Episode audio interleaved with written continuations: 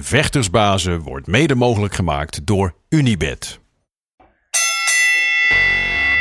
Ja, wat wil je horen? It's time Rattaplan, rattaplan. voor Vechtersbazen. Hallo, hallo. Ja, Ja? waar gaan we het eigenlijk over hebben allemaal? Ja, ik weet het ook niet. Ik heb Jij- geen bent, idee. eh, Nee, was, ik, heb, ik heb een beetje een gemeenschappelijke gespreksonderwerp. Zit ik over na te denken. Je houdt hier van voetbal, dus dat valt alweer Nee, af. nee, over voetbal moeten we het echt niet hebben, want dan ga ik volgens mij gewoon... eh, ja, dan zien mensen gewoon dat ik echt geen voetbalfan ben. En ik denk dat het in Nederland niet zo eh, wordt geapprecieerd.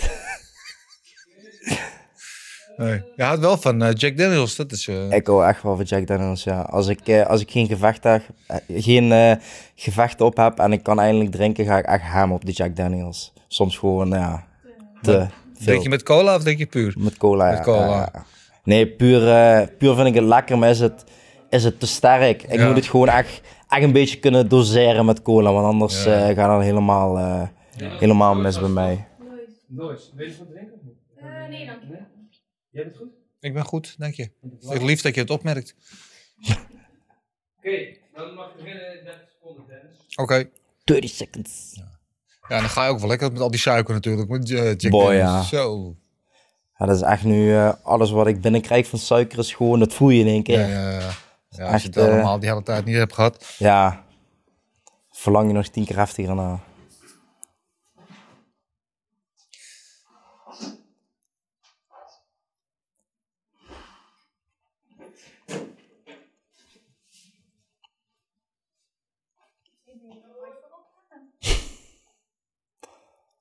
Ja.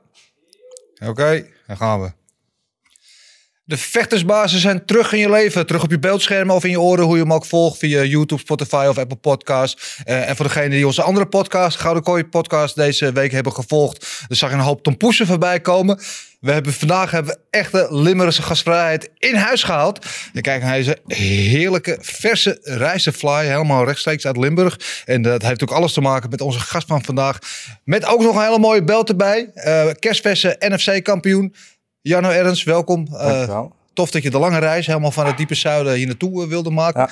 Dankjewel ook voor deze heerlijke lekkernij.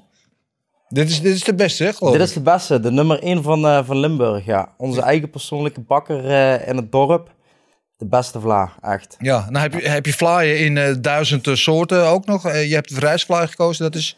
Ik heb een rijstvla gekozen omdat het gewoon, ja, hij is bekroond echt als, als de beste Limburgse rijstvlaamaker. Dus dan moet ik ook, als ik van Limburg kom, moet ik ook gewoon eh, kwaliteit meenemen. En eh, deze rijstvla is zeker voor kwaliteit.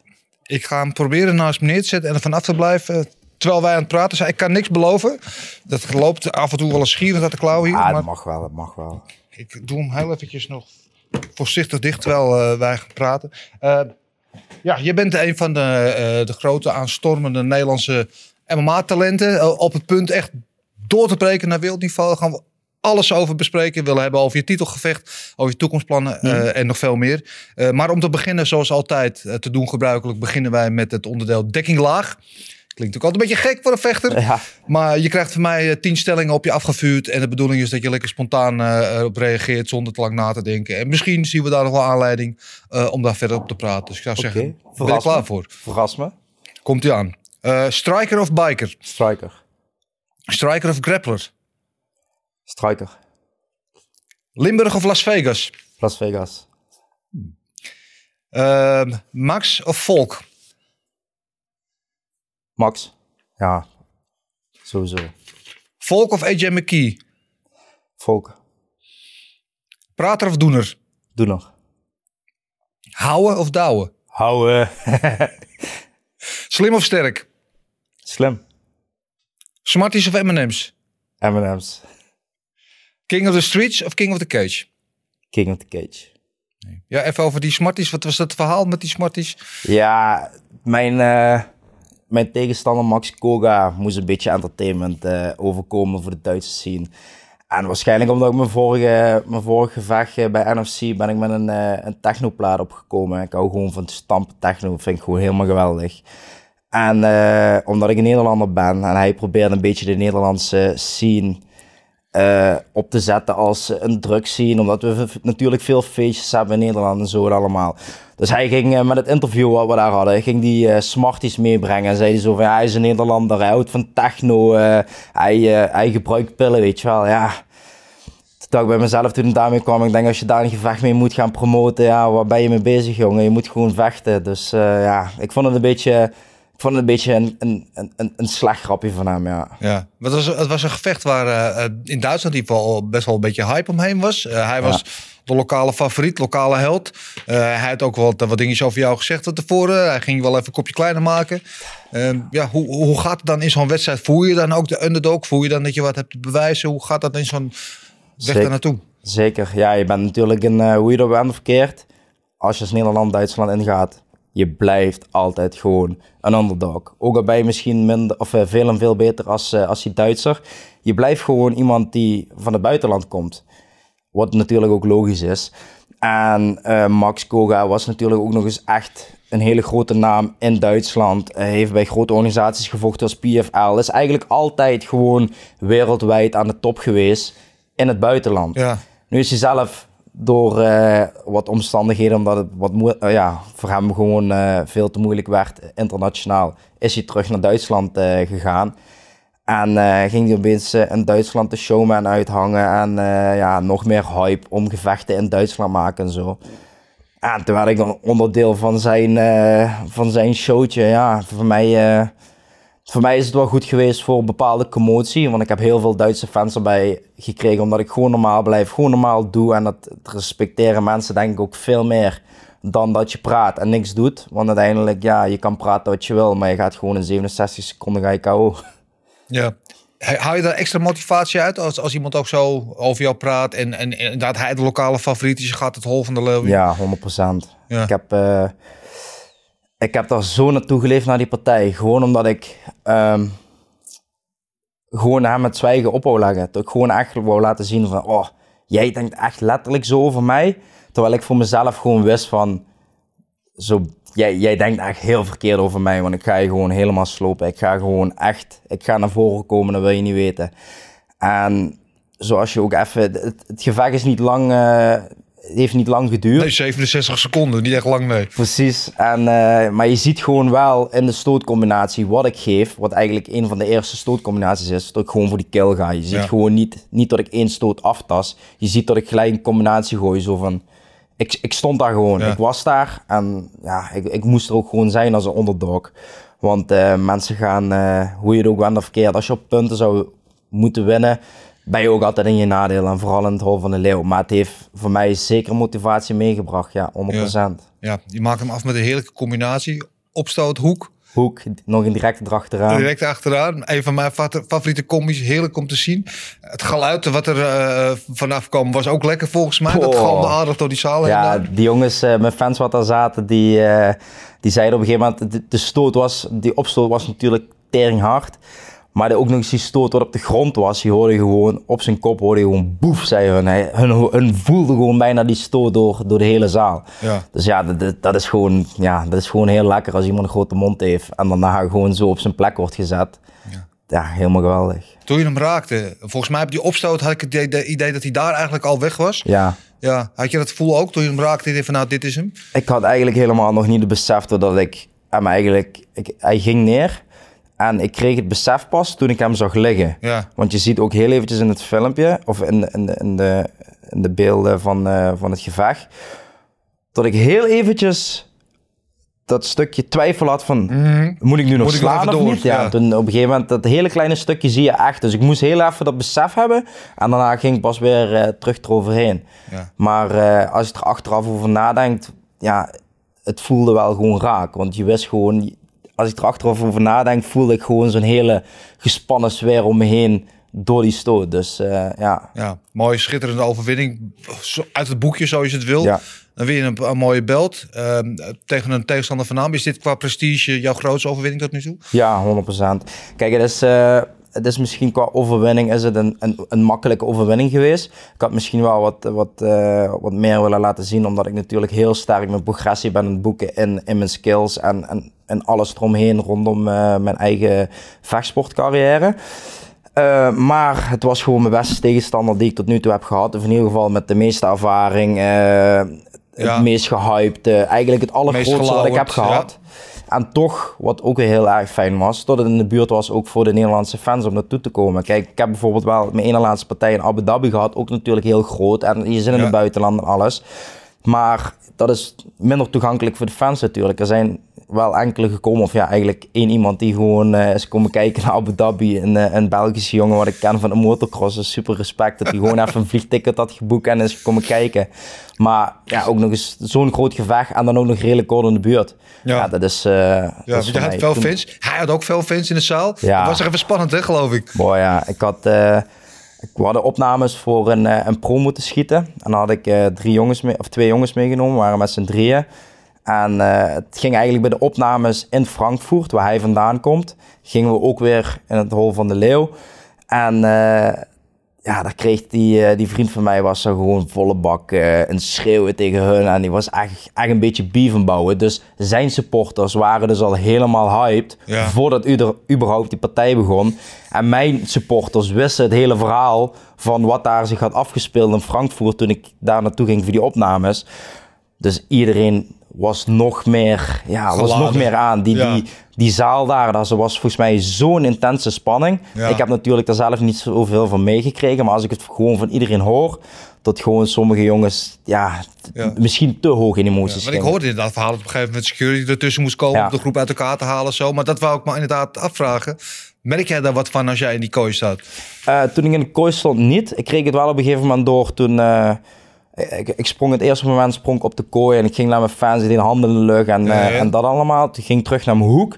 En eigenlijk vanaf dat moment zag ik wel tot, tot mijn fans eigenlijk wat te veel in emotie eh, opgingen. Eh, wat, eigenlijk, ja, wat natuurlijk niet verkeerd is en helemaal Nee. begrijpelijk. Maar we zitten met de coronaregels. We mogen eigenlijk al blij zijn tot, tot er een evenement kan worden georganiseerd. En wat ik ook helemaal niet wil, is dat ik, omdat ik zelf een heel eh, sympathieke iemand ben en me ook zo graag wil presenteren, als mijn supporters bijvoorbeeld niet sympathiek zouden zijn naar de tegenpartij. Ja, ja. En als er dan een gevecht tot stand zou komen in zo'n zaal, dat zou gewoon heel veel gevolgen kunnen hebben voor mij als vechter, vind ik. Ja. Maar ook gewoon voor een organisatie en zo. En daar, daar heb ik toen ook op een gegeven moment ben ik teruggerend naar de hoek. Ben ik op de kooi gaan zitten en heb ik gezegd van jongens, alsjeblieft doe rustig. Ja. Ik weet, we hebben hem nog Ja, uitgeslagen en dat is super vet. Maar we moeten wel even, Ja, even gewoon eh, rustig aan blijven doen. Ja. Ja. ja. Ja, grote ontlading neem ik aan achteraf. Nog een klein feestje gevierd? Eigenlijk niet. Ik, ben, eh, ik had daarna had ik ook een interview in de, in de kooi, omdat natuurlijk ja, ik eh, de grote man in, eh, in Duitsland korte metten mee had gemaakt. En ja, iedereen was eigenlijk al naar huis gegaan, behalve mijn ouders en nog een paar vrienden van België.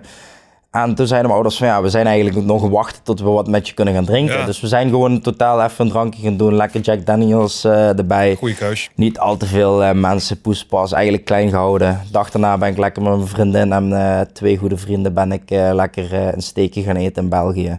Dus we hebben het gevierd, niet uitbundig, maar ja, gewoon zoals elke overwinning, gewoon weer lekker door. Oh, dan en heb je eh, een klein beetje ontlading. klein beetje ontlading en, En, dadelijk maar weer... is, eh, is het dan nu ook vrij snel weer de focus op wat er komen gaat? Want je- hebt grote plannen, je hebt grote dromen. En die Ja. dromen zijn misschien, weet ik niet of ik nu voor mijn beurt praat, maar eh, dichterbij dan, dan mensen denken. dan mensen denken. Ja. Ja, Ja. 100%. Want jouw grote droom is de UFC.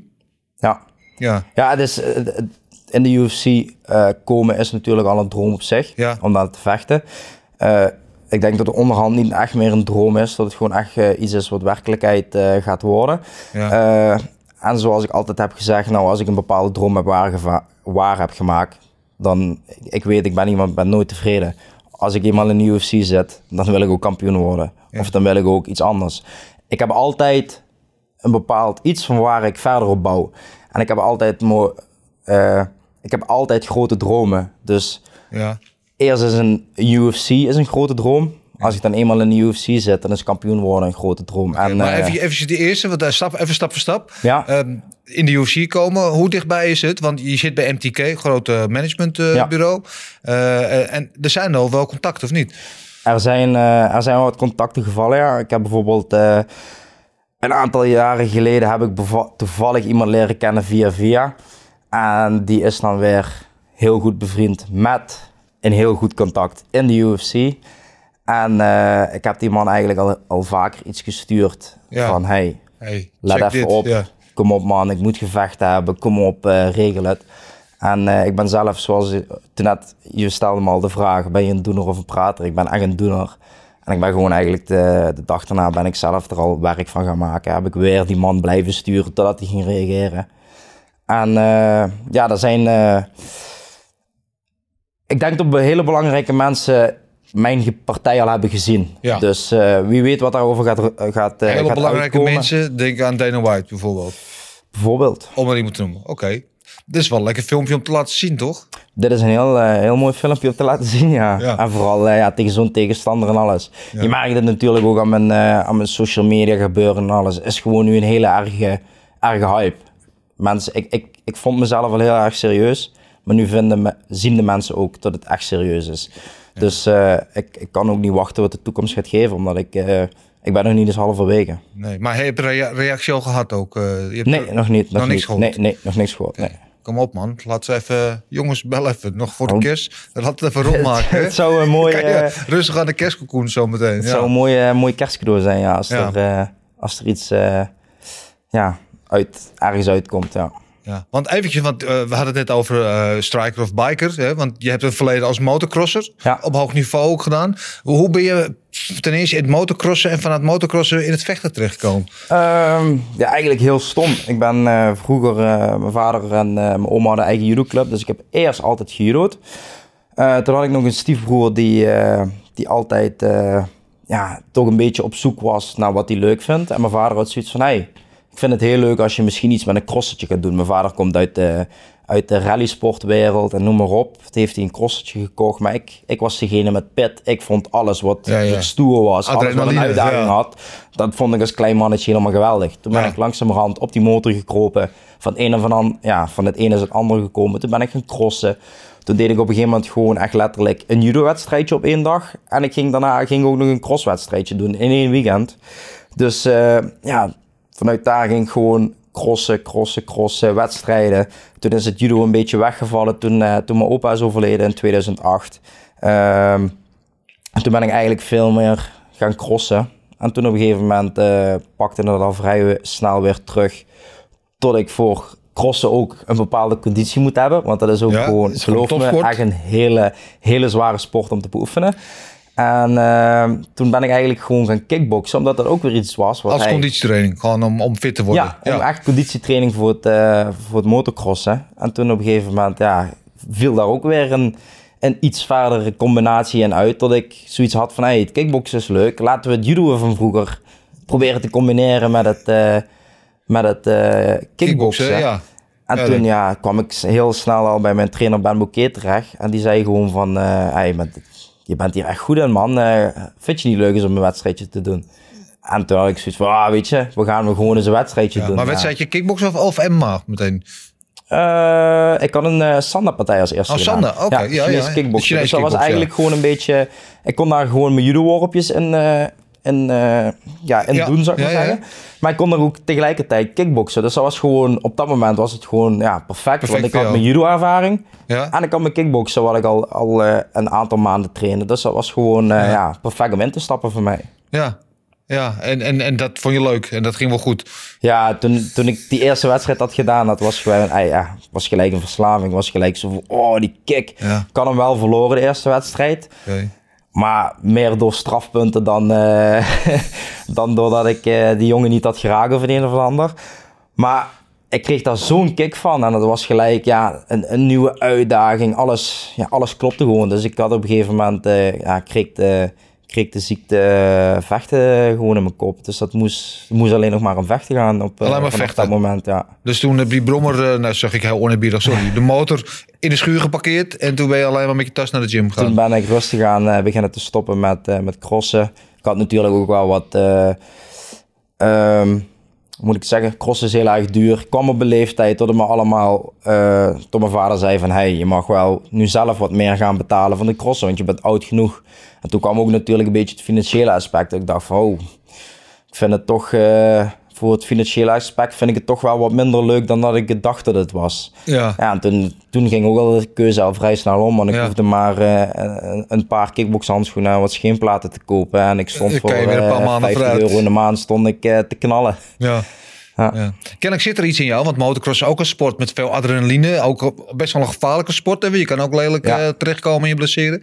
Eh, en kickboksen is ook iets eh, eh, ja, waar veel adrenaline en, en nou ja, waar je wel wat kan oplopen. Dus er zit iets in jou wat toch een beetje die ja, gevaarlijke sport opzoekt. Die, die grenzen op wil zoeken. Wat is dat? Waar komt dat vandaan, denk je? Ik denk dat ik gewoon iemand ben die eh, van adrenaline houdt. Ik Ja. denk dat ik het leven echt tot, tot het maximale wil opzoeken. En dat is ook niet alleen met, met adrenaline, maar dat is ook gewoon met alles wat ik doe. Ik wil, als ik, als ik ga vechten dan, en ik kies daarvoor om dat te doen, dan wil ik ook het maximale eruit halen. Dus ik ben altijd gewoon, ik wil het leven leiden op het randje. Het maximale uit Ja. gewoon alles halen. En dat, ja, dat, dat is hetgene wat me gewoon triggert. Dat ik gewoon echt het uiterste overal uit wil halen. En Maar wat is die trigger? Want ik zeg heel vaak juist, mensen, iedereen vecht, iedereen die vecht, die vecht om een reden. Niemand vecht dus alleen maar omdat hij het leuk vindt. Natuurlijk vinden ze het leuk, maar iedereen heeft een bepaalde trigger waarom ze doen wat ze doen. En jij, bij jou is het dan, nu MMA was het voor hem motocrossen, maar dat wordt ergens toch getriggerd. Waar komt dat vandaan? Daar ben ik zo benieuwd naar. Ja, hele moeilijke vraag om op te antwoorden. Ehm, ik denk dat er misschien iets is wat een persoon op een bepaalde manier in zich heeft. Dat dat gewoon echt een, een, natuurlijk iets is. Dat, dat ik gewoon echt zo iemand ben die gewoon... eh, ja, sommige mensen noemen het gek. Andere mensen eh, die, die kunnen zichzelf daarin herkennen. Maar ja, ik, ik, zou, ik zou me geen leven kunnen voorstellen op een saaie manier, dat ik geen adrenaline opzoek of geen spanning heb in mijn leven. Dus ik ben echt wel een, iemand die de spanning nodig heeft, maar waar het precies vandaan komt. Ik Ja. Nou ja, om een voorbeeld te een geven. Ik, ik, over moeten praten. Ik ben, ja, nou ja, ik vind het wel altijd interessante dingen. Ik bedoel, ik ben, ben geen wedstrijdvechter, maar ik heb wel lang ook eh gekickboxd en van alles gedaan. En ehm, ik was vroeger altijd heel onrustig in mijn hoofd en altijd een beetje gefrustreerd. En, en juist door vechtsport, ik vond daar mijn rust in. Ik werd, daar, ik werd er rustig van. En ik werd een soort van sereniteit, wat heel tegenstrijdig klinkt. Want veel mensen associëren vechtsport met toch een beetje agressief en gewelddadig. Voor mij werkte dat juist contra. Ik vond daar juist heel erg mijn rust in. En dat is, ja, ik kon daar op een of andere manier mijn ei in kwijt. Ja, dat moet ik inderdaad ook wel meegeven. Ik, ik, ik vind heel snel mijn, mijn rust in, eh, in, in, in vechten, zou ik maar zeggen. Als ik gewoon een, een dag echt gestrest ben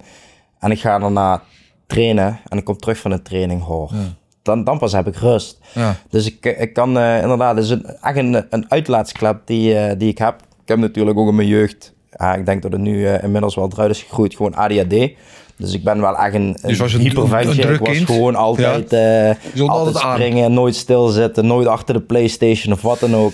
En ja, ik kan gewoon daar mijn rust in vinden inderdaad. Dus dat, daar, daar moet ik in, in, in meegaan, ja. Ja, ja. Je was heel druk kind, thuis ook. Ja, voor verschrikkelijk. Als je mij, eh, als je mij achter, een, eh, achter een bankje op een stoeltje moest laten zitten of weet ik wat.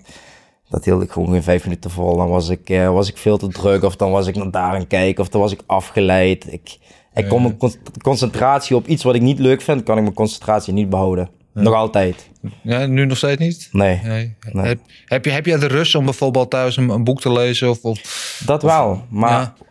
Eh, waarom vind ik daar de rust in? Omdat ik dan bijvoorbeeld mind, eh, mind, eh, ja, boek over het mind lees, zou ik Mhm. maar zeggen. En dat is weer gelinkt aan het vechten. ja. Snap je? Dus Ja, ja. Ik, ik, ik lees het omdat het weer voor het vechten goed is. En dan weet ik van, hé, hey, hier, hier moet ik mijn rust voor pakken. Want dat is voor iets wat je leuk vindt. Dus dat kan ik dan wel weer heel goed. Maar als je iets tegen mij zegt van, lees een boek over sprookjes. Ja, pff, Nee. Weg ermee. Dus eh, om- als ik jou vraag hoe word je het liefste kalm, dan ga je het liefst gewoon potjes parren. Ja. Eigenlijk. Ja. Ja.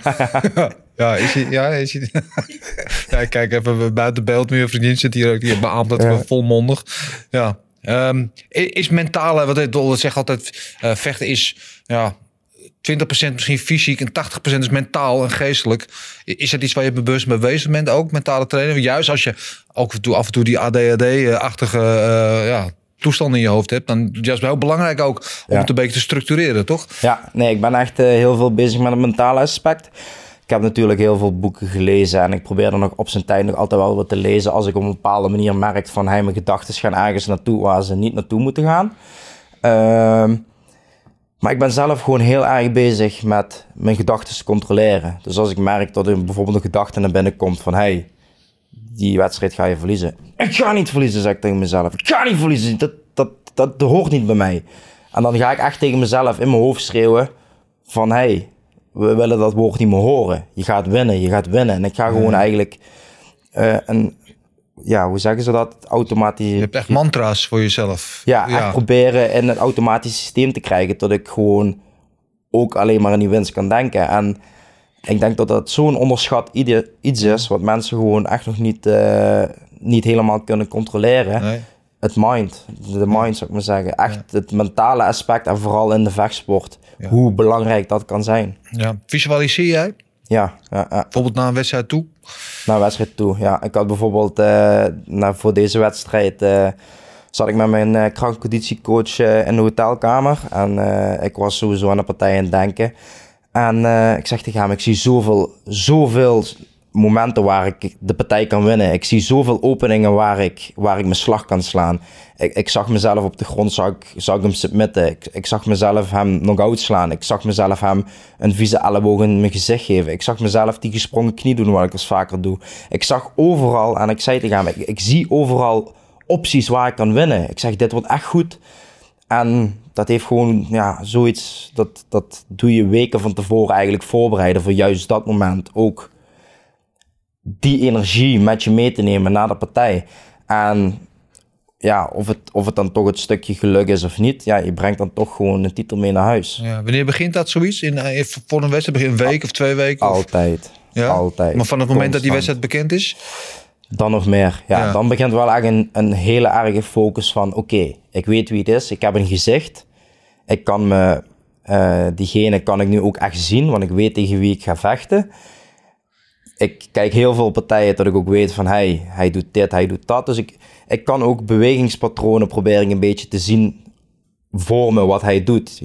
iedereen heeft bijvoorbeeld zijn kenmerk in, in, zijn vechten. Ja, weet iedereen dat hij niet de beste striker is, maar wel een, een, een hele goede worstelaar. Dus je ziet ook bepaalde bewegingspatronen van iemand, wat je ook veel beter kunt visualiseren op dat moment. En dan begint het nog erger te komen, het mentale aspect, dat je ook iemand echt ja, nog beter kan zien dan, dan dat je ja, geen tegenstander voor je hebt. Dus het moment wanneer een tegenstander bekend is, Dan, ja, dan begint eigenlijk al de, de spanning uh, omtrent uh, het gevecht het mentale spelletje en het visualiseren. En, en, wanneer voor een wedstrijd ben je echt zeg maar in je zone of echt aan? Het sommige vechters hebben een week van tevoren dat ze eigenlijk gewoon niet meer aanspreekbaar zijn. Dat ze helemaal in die tunnel zitten. Sommige vechters hebben het vijf minuten voor een wedstrijd.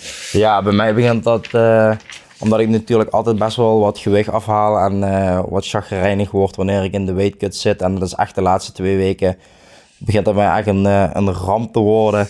Dat ik echt uh, niet, niet ja, heel snel geïrriteerd kan zijn om kleine dingen, wat op dat moment als grote dingen kunnen worden ervaren. Maar echt de, de ultieme focus kan ik echt gewoon een fractie van een moment van het instappen van de kooi echt aanzetten. Ik kan echt heel goed. Uh, toevallig kreeg ik ook weer vandaag te horen van die jongen wat met me mee is geweest om alles rondom het hele evenement te volgen. Hij zegt zo hoe relaxed jij bent geweest dat weekend. Oh, dat, is niet, dat, dat kan je niet bevatten. Dat is echt heel raar. Tot, tot, een, tot een vechter zo relaxed is en eigenlijk de kooi in gaat. Ja. Dat, echt dat ultieme stukje focus, dat is echt net voor, voordat ik de kooi in ga. Ja, dan is het bij mij, dan zie je ook gewoon mijn ogen. Dan word ik gewoon een heel ander mens. Dan, dan is dan word ik echt gevaarlijk. Hm. Ja. Ik ben blij dat je nu uh, in ieder geval vriendelijk mijn kant op kijkt. Dat doet me heel wat deugd. Maar heb jij naar bepaalde, want je zegt dan inderdaad uh, die, die laatste paar dagen of wat dan nog die week, ben ik inderdaad uh, ben ik niet zo gezellig thuis. Nee. Je woont samen of niet? Nee, nee. Nee, oké. Dus kan je dan ook, sluit je dan ook een beetje af? Of sluit je er buiten? Wil dan een beetje buiten? op een gegeven moment heb ik dan, probeer ik het contact met, met mensen gewoon over het algemeen ook wat, wat lager te zetten. Ik ga mhm. bijvoorbeeld ook de laatste twee weken, als, als dan iemand jarig is, of er moet al een, een hele goede vriend zijn of het een of ander, ga ik ook al niet meer naar een feestje waar, waar gewoon, ja, een, gewoon normaal waar, iemand is. Ja. wat gewoon een normale gezelligheid is, ga ik gewoon niet meer naartoe, omdat dat niet altijd gezellig voor mij is. Nee. Omdat ik maar, ik, ik, en ook niet voor de anderen om jou heen dan? Nee, ik, Je, ziet, je hebt gewoon heel veel prikkels om je heen. En zo wil je ook niet zijn voor de buitenwereld. Maar het is gewoon heel erg moeilijk om om dat stukje nog van jezelf te kunnen beheersen. Ik kan heel veel dingen beheersen, maar dat is voor mij een stukje. Ik weet niet of, het, of daar veel meer andere vechters last van hebben, Nee. maar dat is voor mij heel erg moeilijk te controleren om een bepaald pokerface op te zetten van oh, ik irriteer me niet aan jullie. Terwijl je eigenlijk denkt van, Ja, nou ja, heel veel mensen. Ik denk dat voor iedereen is het persoonlijk, voor iedereen is het anders. Ik weet, Rico, om een voorbeeld te noemen, weet ik, die gaat altijd een week voor zijn wedstrijd, sluit hij zich op. Dan Ja, gaat hij ja. weg van huis en de- wel met zijn trainer, maar weg van zijn, van zijn gezin. Want hij zegt Ja. dat ik ben dan gewoon niet gezellig en ik wil dan niet bijvoorbeeld snauwen naar mijn kind. Of weet je wel, het risico. Dat dus die, die heeft een bepaalde, en elke vechter doet dat een beetje op, op zijn eigen manier, denk ik. En, Ja, de, echt de, specifiek de laatste week probeer ik dat ook wel een echt mijn contact eh, echt eh, dusdanig eh, ja, te minimaliseren. Dus Ja. gewoon dat ik mijn, eh, mijn vriendin eh, ja, in de week voor de partij eh, één keer heb gezien. En dan dat zij weet ondertussen ook dat het gewoon dat het goed is. Dat dat ook beter voor beide is. Gewoon dat we even gewoon elkaar met rust laten. Ik heb een hele erge spanning over me heen. omdat ik zo'n focus aan, het- aan het opbouwen ben. En dat is gewoon, ja, op dat moment is dat gewoon even het beste. En net het begin zei je eh, striker of grappler, zei je ook. En toen zei je ook striker, volmondig eigenlijk. Mhm. Ehm, terwijl grappig is, je hebt eigenlijk je eerste contact met vechten was judo. Daar ben je mee Ja. begonnen. Eh, als ik op jouw record kijk ook, heb je meer submission overwinningen dan knockouts. Ja, Hoe zit dat? Ja, omdat ik, eh, ik denk dat mijn ontwikkeling qua striker gewoon heel erg de laatste jaren nog sterker is geworden als voorheen. Ehm, je kan een goede kickboxer zijn. Ik kon ook heel goed kickboksen. Maar een kickboxer kan niet altijd MMA striken. Want striking in MMA, hoe je het ook verkeerd, is heel wat anders. En ik heb zo'n mooi movement. Mijn bewegingen in het MMA zijn gewoon zo mooi, zo, zowel als je eh, voor mijn takedown tegen te houden, voor een takedown te doen, eh, de afstand waarop ik strike, eh, het dirty boxing wat ik kan doen wanneer ik kort bij iemand sta. Dus die striking is gewoon, door de laatste jaren is dat zodanig ontwikkeld, dat ik eigenlijk helemaal niet meer om een grappeling terug hoef te vallen. Nee. Wat vroeger wel een beetje het geval was. Dat, Ja. ik, nog dat ik zelf bij mezelf een beetje zoiets had van oké, ik krijg hier en daar af en toe een goede buts. Ik wil mezelf een beetje beschermen. Kijk maar of je de submissie vindt. Ja. Dus, maar ik ben ja, inmiddels gewoon dusdanig tot een goede striker uitgegroeid dat ik ook niet meer om een grappeling hoef aan te gaan. Maar het blijft MMA. Ja. Mijn grappeling is nog altijd on point. En ik heb er altijd zo'n bepaalde confidence over dat ik het ook, ja, ik, als ik eerlijk ben, train ik eh grappeling eh, misschien één keer per week. Maar ben je daarmee, wel, ehm, ik, ik, ik weet niet of dat een, een, een, een goede graadmeter is voor andere vechters, maar wel exponent van, van misschien de moderne, vers- eh, de moderne generatie MMA-vechters. Vroeger waren het allemaal specialisten. hè. Vroeger had je de kickboxers, de karateka's, de worstelaars, de BJ. En nu zie je eigenlijk de nieuwe generatie opkomt, zijn allemaal hybrid, zijn allemaal zijn allround. Die kunnen Ja. op alle vlakken even goed. Moet je ook zijn. Ja. Ik denk dat, eh, omdat, omdat het, eh, het deelnemersveld ook gewoon heel erg allround is. Ja, Er zitten nog altijd specifiek goede eh, jongens tussen. Als je bijvoorbeeld kijkt naar de Tsjetsjenen op zich. Je weet als je een Tsjetsjen voor je krijgt, al is een goede striker. Je Ja. weet dat, dat zijn background nog altijd eh, Worstel is. ja.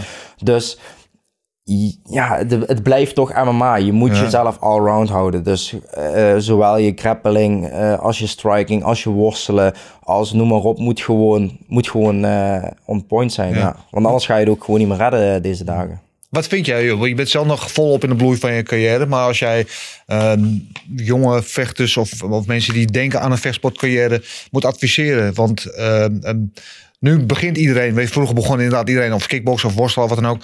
Nu beginnen mensen als MMA-vechter. Waar Ja. iedereen allround is. Maar de echte specialisten sterven een beetje uit. En eh, er zijn bepaalde stromingen in MMA die zeggen het is goed, want iedereen komt op alle vlakken op een hoog niveau. Maar er zijn ook mensen die zeggen van ja, het is goed als je juist eerst erg gespecialiseerd bent. Dan heb je altijd in het gevecht een sterk punt waar je op terug kan vallen en waar je je kan onderscheiden van de rest. Hoe Ja. sta jij erin?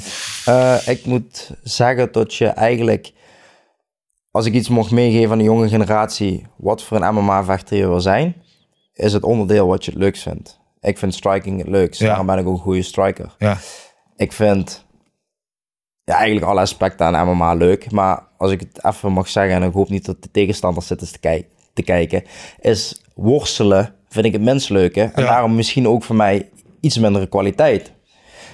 Dus wat ik gewoon eh, de generatie kan meegeven is, kies voor jezelf ook wat je leuk vindt. Want wa- waar je, wat je leuk vindt, word je ook vanzelf goed in. Zonder dat je er te veel moeite in eh, hoeft te steken. Ja. Kan, je, kan je het eh, moderne MMA nog weg zonder te veel in worstelen te investeren?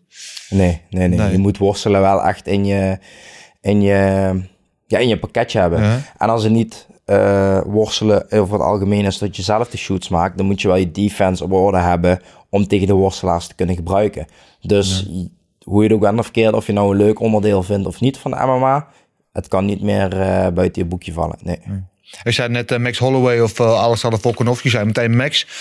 Ik denk van velen een, een favoriet. Goh. Is dat, is dat een van de specifieke vechters waar je graag naar kijkt? Jouw gewichtsklasse? Of wat zijn de vechters waar je graag naar kijkt? Max Holloway natuurlijk. Ik heb altijd heel erg Conor McGregor echt een heel spectaculaire vecht gevonden. Ja. Ja. er zijn natuurlijk heel veel mensen die hebben daar commentaar op of het een of ander. Maar wat hij gewoon met de 145, 145 divisie heeft gedaan, is gewoon absurd. Kan, je, Ja. ja. kan niemand wat over zeggen. Daar kun je niet op haten. Hij is zo snel door die divisie heen gerend. Daarna is hij natuurlijk wel allemaal andere dingen gaan doen, wat natuurlijk minder waren. Maar eh, ja, vechters, eh, Max Holloway, eh, John Jones. ehm, Ook een worstelaar. dat- ja. ja, het zijn allemaal eh, jongens wat een hele sterke worstelachtergrond hebben. Ja. Maar toch gewoon het strijken gebruiken. Omdat Ja. ze daar denk ik gewoon net wat, ja, net wat meer plezier in hebben en zo. En wat ik bijvoorbeeld het mooie vind aan Max Holloway is gewoon dat hij is denk ik een van de weinigste vechters in MMA wat gewoon volume heeft. Ja. Hij heeft gewoon echt volume. Als Niet je met hem in de kooi staat, Ah, die die blijft hem komen. vorig jaar, Die af, afgelopen blijft jaar tegen. Kelvin Keter. Oh. hij, hij, hij leert ze gewoon wat MMA is. Ja. Hij doet gewoon bij Brian Ortega, pakt hij zo even vast. Nee, je, Ja. moet, je moet zo die stoel doen onder een wedstrijd. Man, ik ben daar nog niet eens aan denken in een wedstrijd. Of- tot ik hem even wat ga zeggen hoe hij het moet doen. Echt niet. Ja, wat ik mooi vind als je denkt dat Max Holloway, Holloway denken de meeste mensen aan een striker, high-level striker, wat hij natuurlijk ook is, maar waardoor Mhm. je heel, heel vaak vergeet dat hij op de grond eigenlijk net zo goed is Ja. als staand. En dat zei, in die laatste wedstrijd tegen Rodriguez zag je dat natuurlijk, waar Rodriguez ook, ook een uitstekende striker is, dat hij het gevecht dan naar de grond brengt en daar gewoon dan de boel Ja. controleert en domineert. Het Om- is ongekend, hè? Om- omdat hun ook weten, je moet heel divers zijn in de MMA-wereld. En dat, datzelfde is bijvoorbeeld bij mij. Ik ben, op, op het moment ben ik een betere striker dan een grappler. Maar gaan we met me naar de grond en ik laat je ook zien hoe goede grappler ik ben. Snap Ja. je? Je moet gewoon allround zijn. En zo'n Max Holloway, ja, dat- is gewoon een, eh, een allrounder. Ook al zie je niet altijd terug aan hem. Ja, schitterend. Ehm, ik vind wel grappig dat jij Conor McGregor overigens noemt. Want jij hebt het, ik ben een, een, een, een doener, geen prater.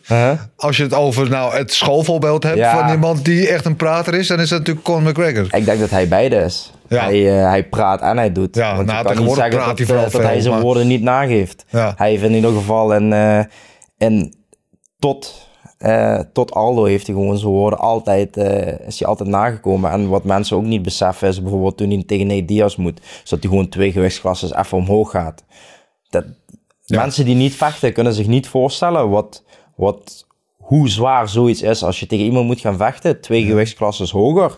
Ook nog volgens mij bijna twee koppen groter. Ja. Dat, ik, vind dat echt, eh, ik vind dat echt een prestatie op zich. Ja. Maar ah ja, natuurlijk. En hij heeft natuurlijk. eh, hij, kan- hij is voor eeuwig heeft hij het landschap van MMA veranderd. Want hij Ja. heeft ervoor gezorgd dat allemaal mensen de sport kennen. Alleen maar door hem. Omdat hij natuurlijk gewoon zo'n superster is geworden. En, en ja, gewoon grensoverschrijdend. Letterlijk en figuurlijk. Hè? Want hij doet ook, ook dingen die over de grens gaan. Ja. Maar eh, eh, die, ja, hij is een sportster. Of gewoon een, een superster. Niet eens een sportster. En helemaal niet alleen een MMA-ster. Dus hij heeft echt voor heel veel vechters denk ik het wereld opengebroken. Aan de andere kant.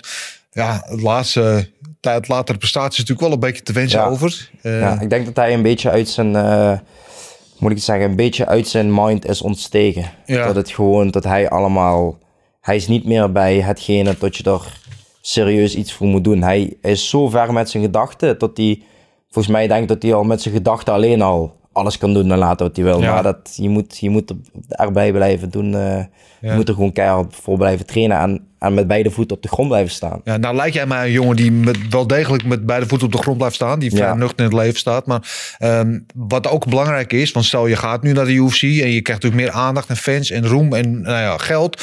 ehm, dat je ook mensen om je heen hebt dan. Dus een thuissituatie, maar ook een coach, mentale begeleiding, et cetera. Die jou een beetje onder de duim houden. Heb jij, Mhm. heb jij sterke mensen om je heen? Mijn moeder. Je moeder, Mijn ja? moeder.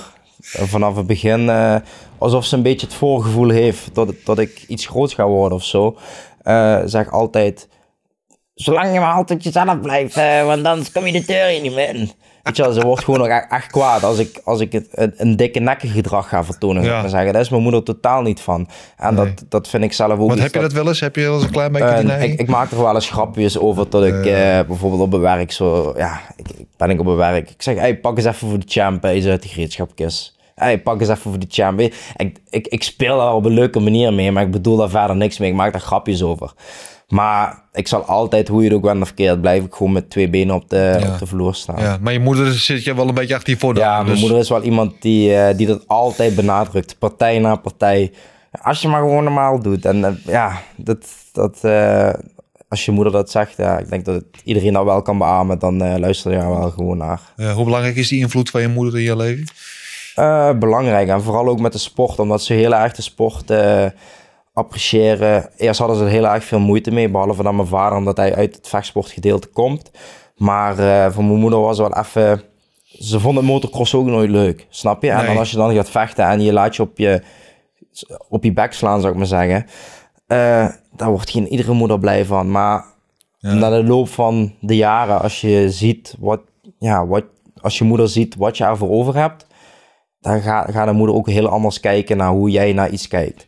En op een gegeven moment, als, als je ziet hoeveel respect hun daarvoor hebben, dat invloed, dat kan, ja, dat, dat respect wil ik ook teruggeven aan hun. Dat ik daar zo dankbaar voor ben, dat is, eh, ja, dat is met geen woorden te omschrijven. Mooi man. Ehm gaan we straks nog verder over praten. We gaan eerst eventjes naar eh even mijn favori- favoriete onderdelen van dit programma. Dat is namelijk de tijdmachine. What we're gonna do right here is go back, way back, I'll be back.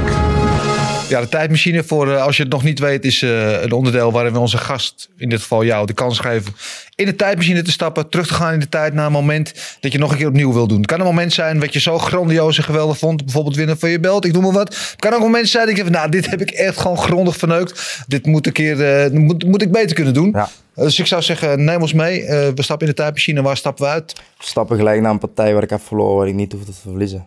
Oké, vertel. Dat is eh, Abu Dhabi. ja? Abu Dhabi een partij eh, door een blessure in de, in de tweede, einde van de tweede ronde. En ook eigenlijk een illegale, eh, ja, een illegale, illegale strike. Ja, het was een knie, ik weet niet precies hoe ik het moet noemen. Ja, precies op de ruggenwervel. Heeft zoveel pijn gedaan op dat moment. Ja. Dat ik met derde ronde gewoon voor mezelf niet capabel genoeg was om, om het nog staand te kunnen houden. Dat ik gewoon echt zoveel pijn op mijn rug, dat, dat hij ook met een gewoon, hij, hij deed een of andere gare takedown en ik ging gewoon mee, omdat ik zoiets had van, oh, dit, ik, ik deed gewoon twee stoten in de derde ronde Ja. en het was gelijk zo van, oeh, mijn rug is echt aan, Ja, is, is ja, ja, klaar. ja. Dus eh, dat is een moment gewoon dat ik niet hoefde te verliezen, dus eh, daar zou ik nog graag, eh, het is niet dat ik een rematch of zo wil, maar... Maar hoe zou je het anders doen dan? Eh, goed, niet meer in de positie hoeven te komen waardoor ik die knie kreeg in mijn rug. Ja, ik Ja. zat gewoon, eh, ik, ik gaf mijn rug iets te makkelijk af. Het was wel een- ook een, ja, een, een Kazachstaanse jongen, is een hele goede grappelaar. Maar eh, hij pakte gewoon iets te makkelijk mijn rug en gaf vanuit daar gaf hij gewoon een, een, echt een knijterharde knie gewoon in, in mijn rug. En dat, ik denk dat ik ook nog nooit zoveel pijn heb gehad in een partij, dat ik gewoon de knie voelde. Je zit helemaal vol met adrenaline. Ik heb moet ik afkloppen, nog nooit pijn gehad in de partijen zelf. Nee. Daarna voel je alle, partij, eh, alle pijn. Al pijntjes wel buiten. maar op dat komen. moment voelde ik het gewoon eh, ja, letterlijk door, eh, door, door mijn rug gaan. Ja. Ja, hoe ben jij dan in zo'n, in zo'n periode na zo'n verlies? Nou heb je gelukkig niet zoveel verloren nog, maar hoe ben je dan in, een, in de afloop van zo'n verliespartij?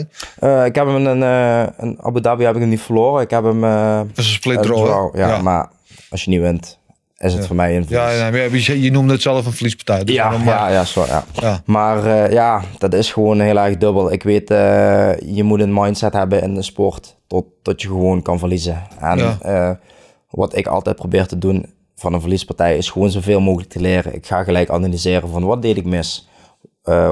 Waardoor kon hij in deze positie komen? Waardoor kon ik dit niet doen bij hem wat ik bij andere tegenstanders wel kon? Ik ga gewoon zodanig eh, de theorie bestuderen tot het me een volgende keer niet meer gaat gebeuren. Want ik wil echt, ik wil echt van mijn fouten leren. Ik wil echt een, een veel betere vechter worden dan dat ik in die partij ben geweest. Want ik wil niet verliezen. Echt niet. Nee, nee.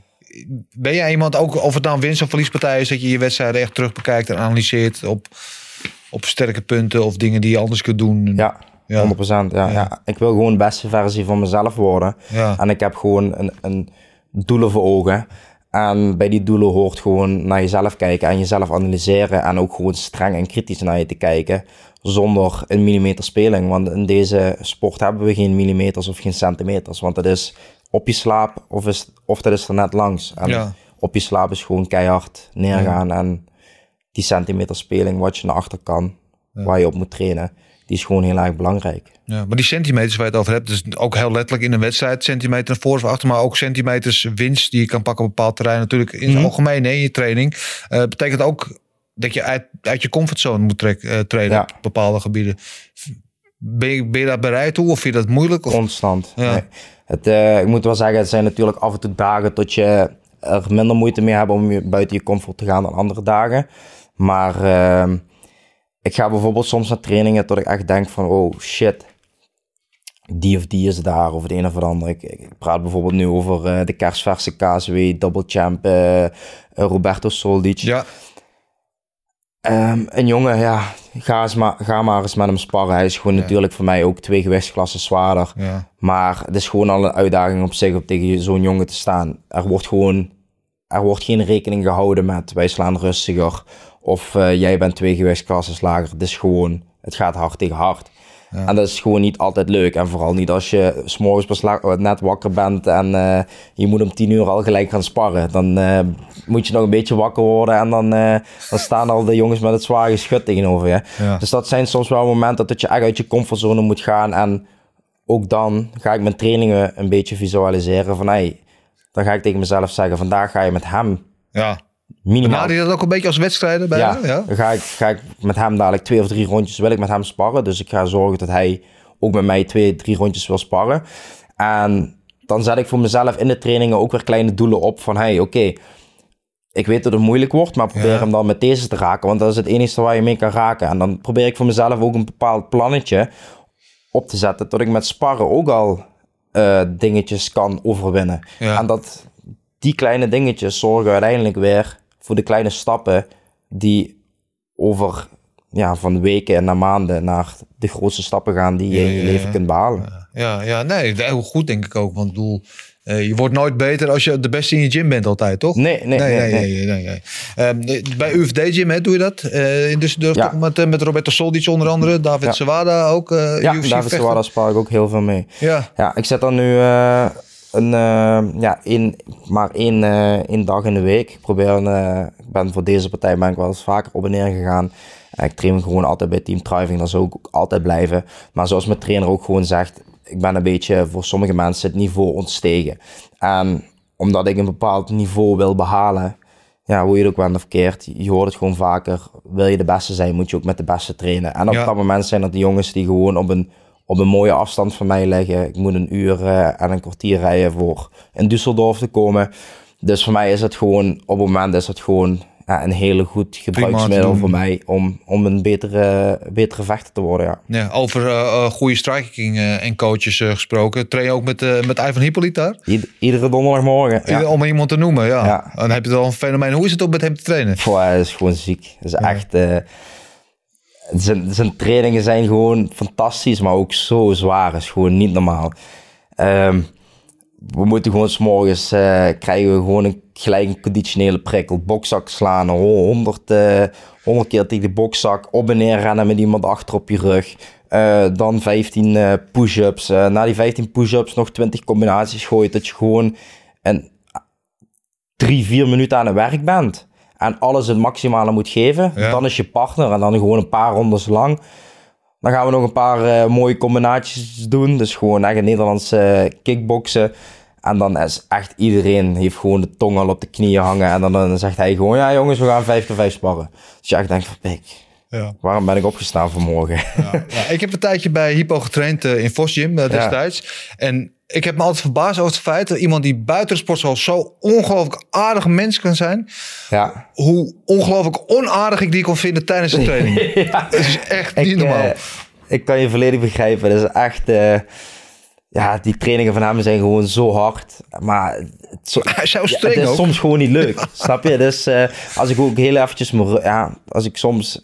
Je hebt wel eens een ronde rust onder het sparren of het een of het ander. Hoezo ga je zitten? Ik zeg, ja, ik ben moe. Hoezo ben je moe? Dan moet je gaan sparren, dan moet je je conditie gaan trainen. Ja, snap je dat je... En dan, en kun je zeggen wat je wil, hij Ja. heeft gelijk. Ja. En dan is hij wel degene die me gewoon van mijn kont afkrijgt. En zorgt dat ik, eh, ja, dat ik gewoon mijn training ga afmaken. Ja. Ja. Of ja, afmaken. Het is niet dat ik het niet zelf doe, maar Het soms is het gewoon even... extra Hij is wel iemand die, ja. die even onder de kont inschopt van... eh, je wil toch de beste worden en eh, dan ga er, eh, ga er voor werken. Nou, is het Düsseldorf is dus een uur, een kwartier rijden of zoiets, Ja. zei je, vanaf je huis. Eh, dus dan ga je al een klein beetje buiten de oevers van het bekende. Maar eh, ook een veel gehoorde theorie. En ook een veel betwiste theorie over. Dat zeggen van als je echt wat wil bereiken, dan moet je in Amerika vestigen. Want daar zijn de grote gyms waar je alles hebt. Amerika Top Team, Sanford. En nogmaals, er zijn heel veel voorbeelden die het tegendeel bewijzen. Maar is dat ook iets waar jij over nadenkt? Of denk je van nee? Ik heb begin dit jaar heb ik erover nagedacht om, om te verhuizen naar Ierland. Ja? Om eh, bij SBJ eh, volledig te gaan trainen en daar te gaan focussen. Met John Kavanaugh, ja? Ja, daar heb ik het ook eh, serieus met mijn, mijn trainer over gehad. Om, om, is dat een slim plan? Is dat beter? Is dat niet beter? Wat vinden we daarvan? Gaan we het doen? Gaan we het niet doen? En toen zijn we, sorry, zijn we op een gegeven moment wel tot een conclusie gekomen tot het tot een optie kan zijn.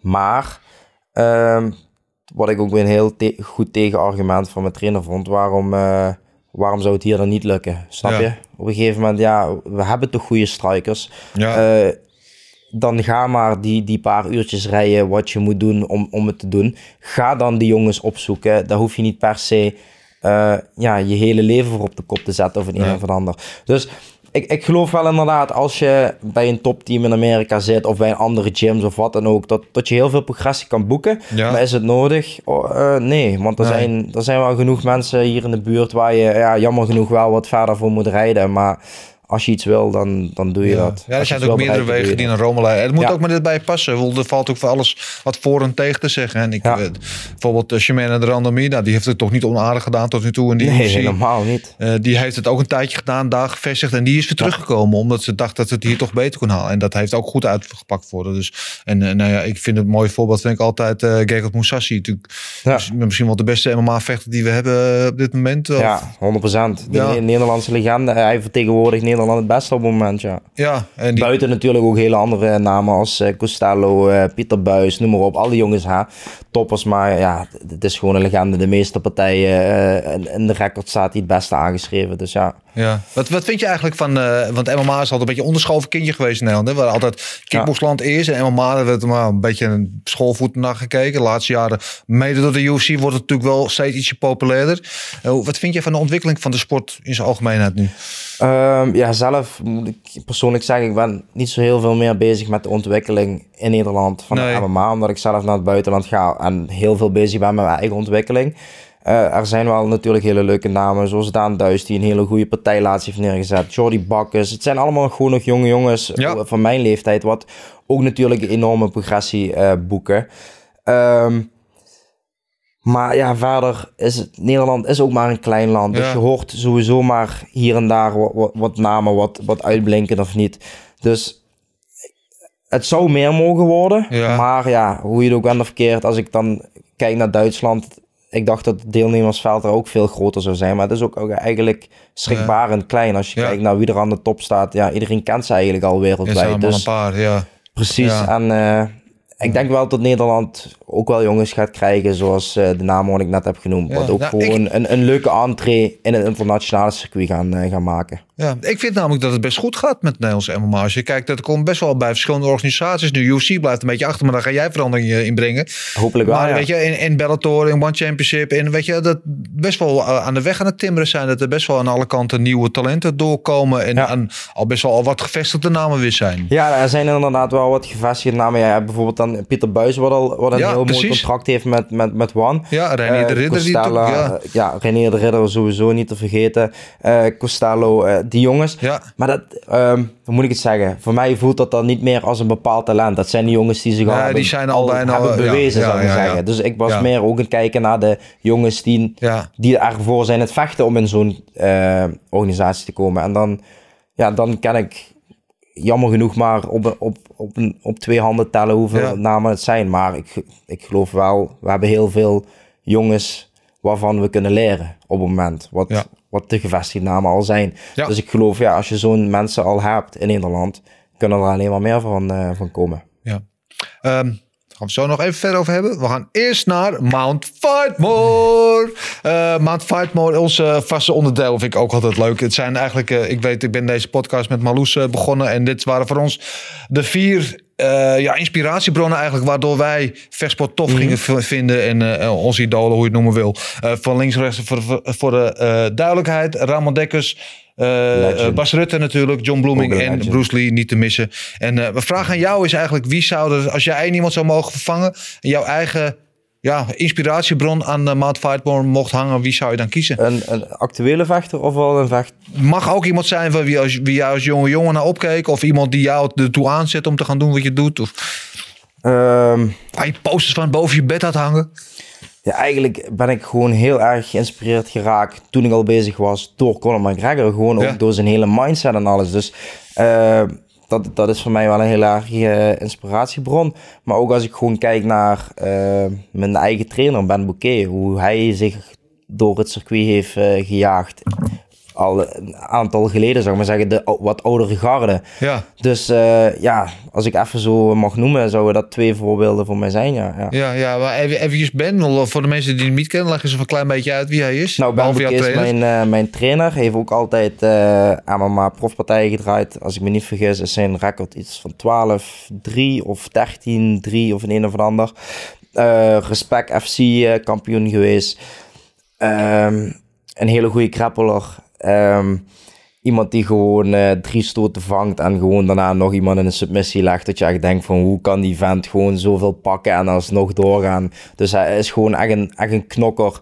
Maar buiten dat is hij gewoon ook een, een wereldman. Hij is gewoon iemand die eh, zo nuchter met alles omgaat over bepaalde dingen. En eh, zoveel kennis in huis heeft om mijzelf als vechter nog beter te ontwikkelen dan, dan iemand anders eh, wat, ja, wat dat zou kunnen, zou ik maar zeggen. Dus Ben Bouquet is gewoon eh, voor mij, en ik denk ook voor heel veel andere mensen, een gevestigde naam. Maar waarom hebben we misschien in het verleden wat minder over Ben Bouquet gehoord? Omdat hij hetzelfde als ik in Duitsland actief ben. Ja. En in Duitsland ben je een Nederlander die in Duitsland vecht, dus je Ja. bent in je nadeel. Maar ook als Nederlander Ben je ben je iemand die in Duitsland zit, dus ook niet interessant omdat je in Duitsland zit. Dus je hebt altijd een beetje Ja. een tweestrijd. In niemands land, ja. Ja, ja, ja. Je, je bevindt je gewoon tussen, tussen twee grenzen. Ja, dan ga jij eh, nu veranderingen brengen. Trouwens, ik, ik, eh, wat ik me afzet vragen, want je bent gebrand om de UFC te halen, en begrijp ik. Dat is natuurlijk het hoogst haalbare. Dat is natuurlijk de grootste organisatie en, en, en de toonzetter en alles. Ehm, zou je teleurgesteld worden eh, als het een andere organisatie wordt? Dus bijvoorbeeld niet als er een aanbod komt van Bellator, noem maar wat. eh, ja, niet dat UFC. is al geweest. Ja, En eh, dat is al geweest. dat, daar is mijn, eh, mijn trainer al mee bezig geweest. Ja. En ja. Maar heb ik gezegd, nee wil ik niet. En dat is niet omdat het geen goede organisatie is of een of ander. Maar dat is omdat ik gewoon per se de UFC wil. Ik, ik wil, ja... Ook, ook dat is een vraag wat ik niet kan beantwoorden, of volledig kan beantwoorden. Waarom wil je dan per se UFC? Ja, omdat ik voor UFC heb gekozen, omdat het iets is wat ik in mijn hoofd heb zitten. Dat is Ja. iets, dat is wat moet gaan gebeuren en niet anders. Dus geen zijwegen of wat dan ook. Het gaat UFC worden, totdat het UFC gaat worden. Ja, klaar. klaar. En iets anders is er niet. Ja. Maar als er nou bijvoorbeeld een tussenstap is, ik noem maar Cage Warriors, wat een beetje de grootste eh, Europese promotie is op dit Ja. moment, geldt als een vierde league van de UFC. Als je daar goed doet, dan heb je een behoorlijk grote kans dat je door de UFC wordt opgepikt. Zou Ja. dat een tussenstap zijn? Of Eh, ik ben er wel eh, aan toe. Gewoon. Jawel, jawel. Ik ben daar eh, twee keer van aanmerking gekomen. Eén keer zou ik mijn debuut maken. Eh, ben ik zelf met een blessure ehm, heb ik moeten afmelden.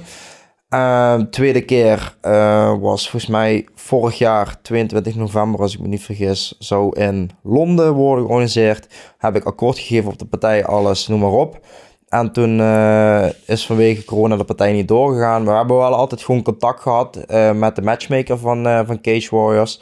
Maar eh, ja, voor mij waren, ja, op een gegeven moment eh, ging mijn, eh, mijn eigen management, MTK, Ja, kwam, kwam vorig jaar in zicht. En die zijn eigenlijk voor mij alles gaan uitzoeken. Dus dat, dat stukje van Cage Warriors is gewoon Ja. weggevallen. Ehm, en voor mij op het moment, ik sta voor alles open wat op het moment aantrekkelijk voor mij is. Ja. In, in Duitsland zijn ze al het praten over, over dat ik de titel moet gaan verdedigen en dat er een rematch moet gaan komen en wat dan ook. En ik ben daar ook gewoon open en eerlijk over. Ik, ik zou wel een titel willen verdedigen. Ehm, Mits, maar, ja. als ik Ja. gewoon ergens anders een goed aanbod krijg en ik denk dat dat gewoon heel snel gaat gebeuren bij een grote organisatie, dan Ja, dan, dan ga je niet iets pakken wat minder is voor jezelf. Je gaat jezelf niet benadelen. natuurlijk niet. Dus, ehm, dus dat ja. Ja. Hoe stel je het voor je? Want je hebt het, jij zegt net, je bent van het visualiseren. Dus je hebt ongetwijfeld al de hele film in je hoofd afgespeeld. Je stapt op het vliegtuig naar Las Vegas. Dan kom je aan in die, in die Apex of wat dan ook. In, de- in die UC trainingsfaciliteit. Hoe gaat dat, hoe gaat dat gebeuren? Hoe, hoe gaat het eruit zien? Nou, ik weet altijd dat ik een bepaald iets visualiseer. Dat ik midden in de kooi sta, om me heen draai en ik zie overal de supporters. Dat is het beeld wat op een dag ga, ga ik dat beeld voor me zien. Dat er zoveel mensen naar mij zitten te kijken wanneer ik mijn entree ga maken in de kooi. Ehm, maar over het feit, het visualiseren over ja, de vlucht en zo wat allemaal, eh, is niet echt sprake van. Het is wel dat ik echt visualiseer over hoe ik mijn prestatie ga doen in de kooi en tot ik er daadwerkelijk sta. Maar als ik een beetje op je antwoord mag ingaan qua visualiseren dan over, over het geheel, dat zou eigenlijk niet heel anders gaan als elke andere partij, want het, is, het blijft ook gewoon een partij. Ja. Het is alleen bij een andere organisatie en op een grotere schaal. Ja. Dus het zou het precies hetzelfde gaan als nu. Zoals ik bijvoorbeeld mijn laatste partij heb, of ene laatste partij heb gehad. Vliegtuig instappen, landen, een weekje in, eh, in quarantaine in, eh, in het hotel. Wachten, wachten, wachten, wachten. En dan is eindelijk het moment daar en dan is het tijd om te knallen. Dus ik denk niet dat het veel anders zou gaan, maar het gebeurt allemaal grootschaliger dan. Ja. Ja. Maar het moet toch... bedoel, Dan denk ik even na. Dan heb je Bruce Buffer natuurlijk, weet je wel. Die, die, Ja. die, die stem die over de hele wereld... Bruce Buffer heeft zo'n bekende manier van doen... dat zelfs mijn vrouw is docent. Dat als zij voor de klas staat... dat zij soms op het ritme van Bruce Buffer... dingen aan het voordragen is voor de klas. Omdat ze het altijd bij, bij ons door door de huiskamer hoort schallen. Eh, nou... Ja, daar moet ik, moet ik gelijk een beetje bij lachen, omdat ik eh, mezelf altijd als Bruce Buffer mezelf ben aan het voorstellen. Ja, ik, eh, ik, op het werk bijvoorbeeld eh, ben ik aan het werken met mijn collega's en dan in the red corner, Ja. fighting out of team eh driving in the Netherlands. En dan hun zo, eh oh, komt hij weer. ja, ik, ik, ja, ik, ja, misschien is het eh, iets, ja, iets oncontroleerbaars of het een of ander, maar ik doe het gewoon al van mezelf. Ik, ik ben mezelf al via Bruce Buffer, ben ik me voor het stellen in de UFC. Dus je weet al hoe het klinkt. Ik weet al hoe het klinkt en het zou nog mooier zijn als we dadelijk het ook gewoon echt krijgen te horen. Uit ja. zijn eh, keel horen. Ja, ja. Hoe lang gaat het nog duren? Hoe lang lijken we nog wachten? Ja, het, het is altijd moeilijk om zoiets te zeggen, maar het kan... Die vraag krijg ik natuurlijk ook vaker. Je kan het nooit precies zeggen. Het kan morgen zijn, maar het kan ook pas achter een jaar zijn. Dus ehm, het is heel moeilijk. Maar nu door deze bel te pakken op zo'n spectaculaire manier... ligt het wel nog meer binnen handbereik. En zou ik kunnen zeggen, het ligt niet meer binnen een jaar, maar het ligt Ja. misschien binnen een week. Ik zou Ja. nu eerder aarzelen naar eh, binnen een half jaar dan binnen een jaar. Snap je wat ik bedoel? Dus ik denk dat het nu veel meer voor de hand liggender is dan, eh, dan, dat, ik, dan dat je misschien vorige week had gevraagd. Ja, 100%. We gaan er gewoon vanuit. Maak nu met jou deze afspraak. 2022 ga jij gewoon je debuut maken in de UFC. Dan ga ik en me dan, proberen het aan te houden. we hebben dit, jaar- deze week onze eerste Gouden Kooi Awards gedaan. En een van de awards die we uitreikten was voor de beste Nederlander in de UFC. En die won gewoon natuurlijk bij verstek van andere Shimane de Randemie. Won die Ja, prijs. is de, jammer genoeg de, ook de enigste. Ja, Ja, want de Overeem is... eh, is gestopt. Ja. ja, er moet gewoon een nieuw Nederlands talent in de UFC komen. Kom je na volgend jaar een tompoes eten hier? Ja, Ja? ja. Dan gaan we nu En dan neem fly, ik weer Vla mee. dan gaan we nu fly eten. Goed. Ja. Tof man. Ik vond het een mooi verhaal en ik vond het mooi om je nou, een klein inkijkje in jouw, eh, jouw gedachtegang en eh, in je ambities te krijgen. En eh, we gaan je volgen man. Dankjewel, dankjewel. Dankjewel. Eh ja, voor jullie allemaal die kijken, dan wel luisteren. Dit was de laatste vechtersbazen van dit seizoen. Dus eh voor nu, voor allemaal hele fijne feestdagen en een eh, gezond uiteinde. We zien jullie volgende maand weer terug. Mocht je nou vervelen in de tussentijd, we hadden deze week de zoals ik al zei, de Gouden Kooi Awards. Waar we eh, allerlei prijzen hebben uitgereikt. Virtuele prijzen dan weliswaar. En ik ook iets heel vies heb gedaan uit de schoen van Gilbert Eiffel. Wil je dat zien? Check dat ook op onze YouTube kanaal of Spotify kanaal. En dan zeg ik tot nu toe. Us! Ciao.